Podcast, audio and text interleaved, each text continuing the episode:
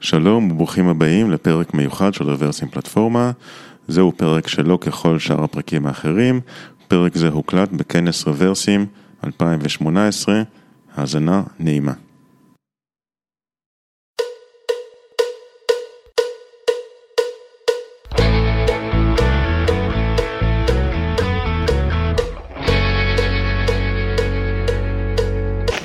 לפני מספר חודשים הגיעה נקודת ציון חשובה עבורי כמנהל מוצר.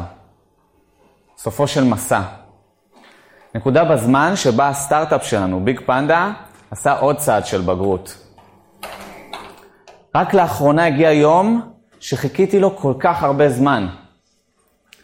היום אני הולך לשתף אתכם במסע בן שנה, שבו פיתחנו את אותו הפיצ'ר, פיצ'ר שהדרישות שלה אליו לא השתנו אפילו במילה אחת. לא פעם אחת, אלא פעמיים. אני שחר, שחר ברנר, אני שמונה שנים בעולם המוצר, בשנתיים האחרונות אני בביג פנדה. מה שהצטרפתי, שחררנו אין סוף פיצ'רים, שהמשיכו למצב אותנו בחזית של תחום שמשותף לחברות בשווי מיליארדי דולרים. כשבאתי וסיפרתי לאנשים שאני הולך לספר על איזושהי טעות שעשינו, אמרו לי שאני משוגע, שאני אראה לא טוב. שטויות. אני חושב שכקהילה זה חשוב שאנחנו נשתף ונלמד אחד מהשני. בראייה שלי, מי שעושה טעות ויודע להודות בה ולהראות איך הוא גדל ממנה, זה משהו שהוא ראוי להערכה. ואני מעודד כל אחד ואחת מכם לעשות את זה בהמשך. כדי להבין אה, יותר טוב את הסיפור שלי, אני רוצה קצת להסביר מה ה BigPanda עושה. בעולם הטכנולוגי שבו אנחנו חיים, כולנו מחוברים לטלפונים שלנו.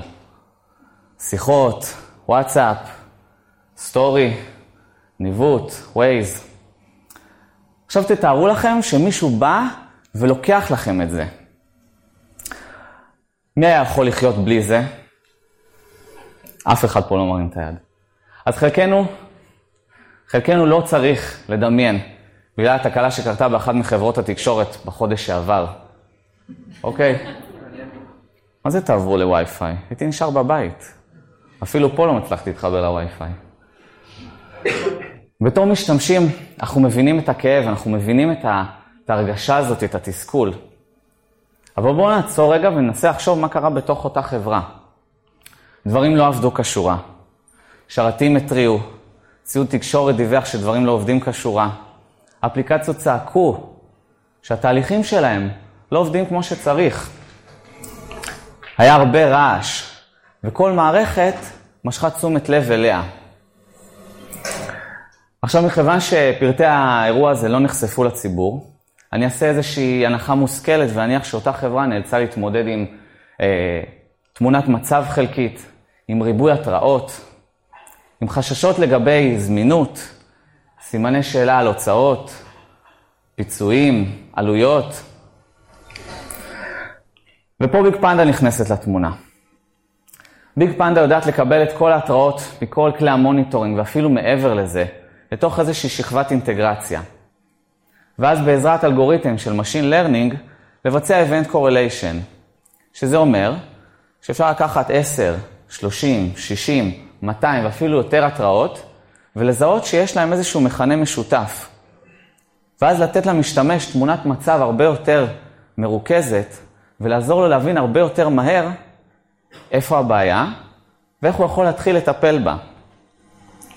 בואו נסתכל שנייה על המוצר, נבין את זה יותר טוב. במקרה הזה אנחנו רואים פה 12 התראות שונות. לפני ביג פנדה, המשתמש צריך לעבור עליהן אחת-אחת. ביג פנדה מזהה במקרה הזה איזשהו מכנה משותף, שזה הקטגוריה של הלואוד וה cluster, שזה איזשהו רכיב תקשורת, רכיב, אה, סליחה, רכיב תשתית. דרך נוספת שאפשר להבין את הערך של ה-Event Correlation היא דרך ציר הזמן. פה אנחנו רואים את אותם 12 התראות לאורך הזמן, אנחנו רואים בגדול לראות את התבנית שלהם, ושוב, במקום לעבור על 12 התראות שונות, המשתמש מקבל ישות אחת, אובייקט אחד ב BigPanda, שעדיין כולל את כל המידע, ונותן לו את התמונה המלאה הזאתי, אבל שזה עוזר לו לעשות פעולה הרבה יותר מהר. אני רוצה להחזיר אתכם לנקודה שבה המסע שלנו מתחיל. אנחנו עדיין סטארט-אפ קטן, אנחנו סוגרים אה, סדר גודל של ארבע עסקאות בשנה. גייסנו סכום כסף מכובד, אבל אנחנו עדיין מחפשים את אותה, אותה הזדמנות, אותו משהו שיקפיץ אותנו קדימה. והנה היה נראה ש, שזה הגיע. הנה ההזדמנות שלנו להפוך למה שנקרא בשפת הסטארט-אפים ליוניקורן, או לפחות לקחת צעד גדול בכיוון. עסקה, שנראתה כמו העסקה הכי גדולה שלנו עד אותו יום, עם אחת מענקיות הטכנולוגיה, עמדה להיסגר. כחלק מהמשא ומתן, הבנו שזאת הזדמנות שיכולה לפתוח בפנינו לא רק שווקים והזדמנויות חדשות, אלא לדחוף אותנו כל כך חזק קדימה. ההתרגשות שהייתה בחברה באותה נקודה, זה היה משהו שלא היה לפני זה. זו התרגשות כמו מי שאוהב להמר והולך פעם ראשונה לקזינו, או כמו לפתוח חטיפה של מתנה חדשה, או סתם לראות מה יש בתוך ביצת הפתעה של קינדר, כל אחד ומה שמרגש אותו. הלקוח אהב את מה שהוא קונה, הוא אהב את המוצר שלנו, אבל הייתה חסרה לו יכולת אחת, שהייתה קיימת במוצר שהם השתמשו בו היום, ואנחנו באנו להחליף. כחלק מהמשא ומתן, הם דרשו שאנחנו נתחייב להשלים את אותה יכולת, ואנחנו הסכמנו. אותה, אותו פיצ'ר נקרא maintenance plans, או בעברית ניהול השבתות. הפיצ'ר הזה הוא בעצם היכולת להגדיר את פרק הזמן והרכיבים שמשתתפים בהשבתה, ולסנן את אותן התראות שמגיעות לפי ההגדרה הזאתי. ב BigPanda, כשבאנו לממש את אותו פיצ'ר, מימשנו אותו בדרך שנקראת suppression. שזה אומר שכל מה שעונה על ההגדרה הזאתי, אפילו לא נכנס למוצר. אנחנו מסננים אותו בתחילת הדרך, אפילו לא מגיע ל pipeline שלנו. פה אנחנו יכולים לראות איזושהי אה, קורלציה של התראות, של תשע התראות, שמתוכן תשע באות מההגדרה של המיינטנס. פה אנחנו רואים את התמונה לפני שהפיצ'ר היה קיים, ויש לנו שבע התראות שכמו שקראנו להם הם רעש. אחרי שהפיצ'ר היה קיים, אנחנו יכולים להתמקד, וכל מה שאנחנו רואים זה מה שאנחנו צריכים כדי לפעול ומה שרלוונטי לנו עכשיו. שלושה חודשים לתוך הפיתוח, הבנו את גודל הטעות בצורת מימוש שלנו. אותו פתרון של ספרשן עונה מצוין על הצורך בפוקוס ובסינון הרעש, אבל הוא מפוספס שלושה תרחישים שהם לא פחות חשובים. הראשון הוא הצורך לדעת מה קורה עכשיו, מה נמצא במיינטננס ברגע זה. התרחיש השני, אם יש לי איזושהי התראה שנוצרה במהלך אותה השבתה, ועדיין רלוונטית בסוף ההשבתה, אני לא אדע ממנה, כי הרי זרקנו את ההתראות בתחילת הדרך. והשלישית, חוסר היכולת לבצע event correlation, היתרון המרכזי שלנו, של המוצר שלנו, להציג זה לצד זה התראות שבאות מהגדרת השבתה לעומת התראות חיות, לא היה ניתן לעשות. שוב, בגלל אותה סיבה שזרקנו את ההתראות בתחילת הדרך. תתארו לכם את הסיטואציה שמנהל מוצר צריך לגשת לצוות פיתוח ולהגיד לו שהפיצ'ר לא טוב, הוא לא עונה על דרישות הלקוח. וכל העומס וההשקעה שנתנו והשקענו עד עכשיו, אנחנו נצטרך לתת שוב פעם עבור אותו דבר. אז חזרנו לשולחן האפיון, התחלנו פיתוח מחדש. אחרי פרק זמן של שנה סיימנו לפתח את אותו הפיצ'ר בפעם השנייה. רק שהפעם כללנו בממשק שלנו את התצוגה של אותן התראות שהן מושתקות. נתנו את האפשרות לחפש, להבין מה קורה עכשיו ומה קרה בעבר.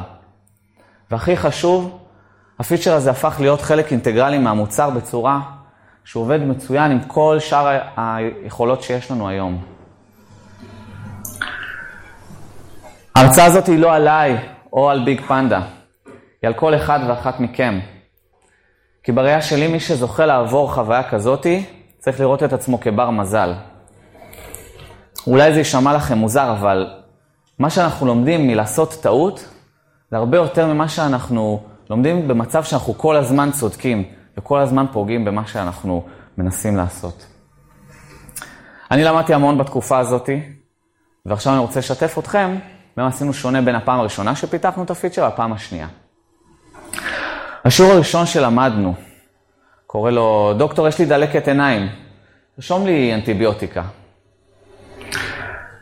הלקוח אמר לנו מה כואב לו, מה מפריע לו. יש לנו בעיה של רעש. בזמן השבתה מה קורה? מערכות המוניטור שולחות המון התראות. ואתם, ביג פנדה, המוצר שלכם עושה עבודה מצוינת ב-Event Correlation. אבל אם אנחנו עכשיו, במהלך השבתה, צריכים להתמודד ולעבור על, על התראות שהן לא רלוונטיות לנו, זה פוגע ביכולת שלנו להתמודד עם התראות אמיתיות. אז הם אמרו לנו מה כואב להם, אבל זה לא עצר שמה. הם גם אמרו לנו איך לפתור את הבעיה. במוצר שאנחנו משתמשים בו היום, הם אמרו, maintenance plans מבוצע בצורה של suppression. אותו פתרון של סינון ההתראות עוד לפני שהן נכנסות למוצר. עכשיו, משתמשים יסתכלו על מוצרים אחרים, הם יבדקו את המתחרים שלכם. הם בסופו של דבר יהיו מעוגנים לאיזשהו פתרון. במקרה שלנו אנחנו באנו להחליף מוצר שהיה לו את הפיצ'ר הזה. אף אחד לא אוהב שינויים. וכשאנחנו באים להחליף מוצר, אז אנחנו יכולים לבקש שחלק מהדברים יישארו כמו שאנחנו רגילים, לא? אז לא. להתפקס זה לדעת להגיד לא. מה שהתאים למוצר הישן, לא בהכרח מתאים למוצר שלנו. יש הרבה סיבות שמשתמשים מחליפים מוצרים למוצר אחר. ובגלל אותן סיבות, אימוץ של פתרון קיים לא בהכרח יתאים למוצר החדש. וכך היה גם במקרה שלנו.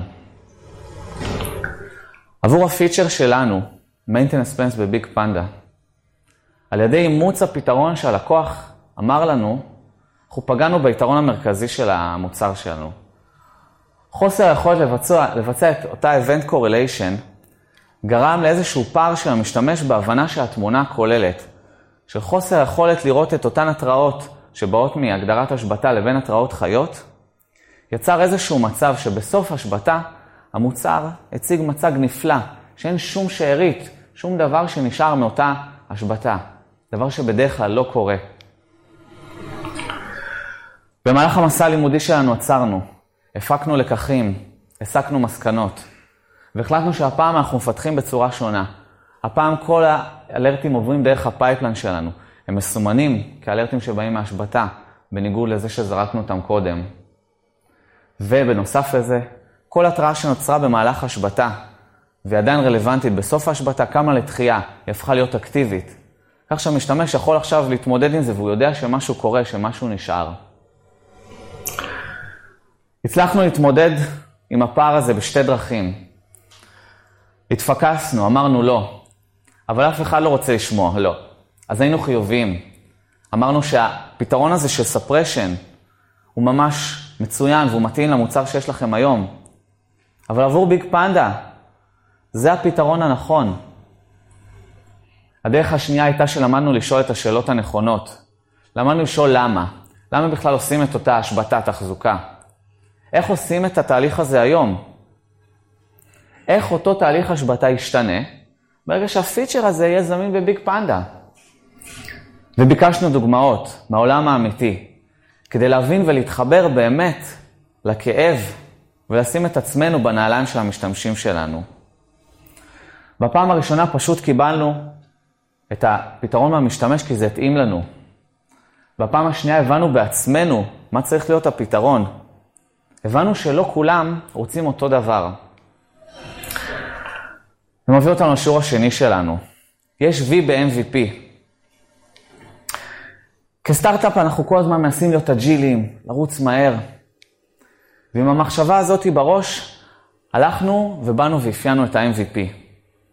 לקחנו את כל מה שהמשתמש אמר לנו, עם הכאב שלו, ועם הצורה שהוא אמר לנו לפתור את הבעיה, וניסינו גם לרדד את התכולה, כדי להגיע לאיזשהו משהו מינימלי, לשחרר איזושהי גרסה כמה שיותר מהר, במחשבה שנוכל לקבל את אותו פידבק מהמשתמש בהקדם. הערך שראינו למשתמש, חשבנו שהוא נמצא ב-MVP שאפיינו. אותו MVP כלל את היכולת לבצע ספרשן, כמו שדיברנו עד עכשיו, אותו סינון של התראות, בהגדרה של שרת בודד אחד, ועם היכולת לבצע enable ו-disable לתהליך. הפער הראשון הגיע כשהמשתמש רצה לנהל את משך זמן ההשבתה. מכיוון שבמשך זמן השבתה לא היה ניתן להגדרה ב-MVP שלנו, כמו שראינו, הם נאלצו לקרוא לפקודת ה-Enable בתחילת ההשבתה ופקודת Disable בסוף ההשבתה. שתי פעולות שהן מאוד מעיקות בתהליך שהוא לכשעצמו מאוד מלחיץ. הפער השני שנחשפנו אליו אחרי ששחררנו את ה-MVP היה שהמשתמש לא מצא שום ערך ב-MVP הזה, בהגדרה של השבתה לשרת בודד אחד. כי כל ההשבתות שלו כללו מספר רב של רכיבים. הבנו שכשניסינו לאזן בין פתרון שהוצע לנו, שמתאים למוצר קיים, ובין המיקוד של ה-MVP שלנו, בנינו MVP רזה מדי. במהלך המסע הלימודי שלנו עצרנו, הפקנו לקחים, הסקנו מסקנות, ופיתחנו את המוצר בפעם השנייה. הפעם, שוב, כל ההתראות עברו דרך הפייפלן שלנו, סימנו אותם כהתראות שבאות מהשבתה. הוספנו את היכולת להגדיר את פרק זמן ההשבתה ואת הרכיבים שמשתתפים בו, כדי שהמשתמש יוכל להיות עצמאי כשהוא מבצע את אותה הגדרה. וגם הוספנו איזשהי ייצוג מינימלי לממשק שלנו, כדי לתת את אותה תמונת על שהבנו שכל כך הכרחית כדי להבין את המצב של אותן התראות זו לצד זו. הבנו שעבורנו ה-MVP הוא באמת משהו, איזושהי גרסה מינימלית שמביאה ערך למשתמש, והוא יכול באמת להשתמש בה. כשבאנו להגדיר את ה-MVP בפעם השנייה, ניסינו לשאול את עצמנו, האם באפיון שעשינו בפעם השנייה, יש משהו שאנחנו יכולים להוריד? האם אפשר לעשות את זה יותר מינימלי ועדיין לשמור על הערך ללקוח? לדוגמה, האם את אותה תוספת של, אה, אה, אותה תוספת לממשק, האם אנחנו יכולים להוריד אותה וזה עדיין יהיה בעל ערך למשתמש? אז ניסינו לדבר, ניסינו ל- ל- לעשות סימולציות, הבנו שזה לא המצב, שאנחנו לא יכולים להוריד את אותה תוספת. בדיוק מהסיבה שהיא תיצור איזשהו פער בהבנה של המשתמש, לקבל את אותה תמונה מלאה שאנחנו מנסים כל הזמן לספק לו. ואז כן השארנו אותה. אבל עצם העובדה ששאלנו את עצמנו את הדבר הזה, הוכיח לנו שעברנו איזושהי אבולוציה, שעשינו איזשהו שינוי בתפיסה שלנו, שכן ניסינו להבין האם אנחנו יכולים להוריד משהו ועדיין לשמור על הערך. כי בפעם הראשונה חיפשנו את המינימליות ופספסנו את הערך. בפעם השנייה הבנו בעצמנו מה המינימום כדי לתת ערך. השיעור השלישי, There's no I in team. אין אינדיבידואל בודד בצוות. מי שהיה בקשר עם הלקוח ושמע את הקול שלו, הייתה איזושהי קבוצה עסקית בחברה. מנגד, מי שפיתח את הפיצ'ר הייתה איזושהי קבוצה טכנולוגית. אותה קבוצה טכנולוגית מעולם לא שמעה את הקול של הלקוח, או דיברה איתו, עד ששחררנו את הגרסה הראשונה. ב-MVP שרק דיברנו עליו עכשיו, לא היה ערך, כי לא הייתה תקשורת. היה בינינו טלפון שבור. אז במהלך אותו מסע לימודי, עצרנו, הפקנו לקחים, הסקנו מסקנות, ופיתחנו תהליך חדש. תהליך שבו כל קבוצה בארגון יודעת מה קבוצה אחרת עושה. כל קבוצה יודעת מתי מצופה ממנה לספק משהו, ומתי היא יודעת ויכולה לצפות לאיזושהי תפוקה מקבוצה אחרת. וכל קבוצה יודעת מתי עובדת בצורה עצמאית, ומתי עובדת בשיתוף פעולה עם קבוצות אחרות. בנוסף, פתחנו Slack channel שהכל, אבל הכל מתוקשר בו לפרויקט, בניגוד לאותה תקשורת של one on one שהייתה קיימת עד אותו רגע, בפעם הראשונה. הכל מתוקשר פה, מנהלי מוצר, מפתחים, מעצבים, marketing, sales, customer success, professional services. אנחנו מעדיפים שתהיה לנו הרבה יותר תקשורת ונחפש, מאשר מעט מדי תקשורת, ושיהיה חסר לנו. כמנהל מוצר, כשאני חושב על הצוות שלי, אני לא חושב רק על המפתחים ועל המעצבים ועל QA.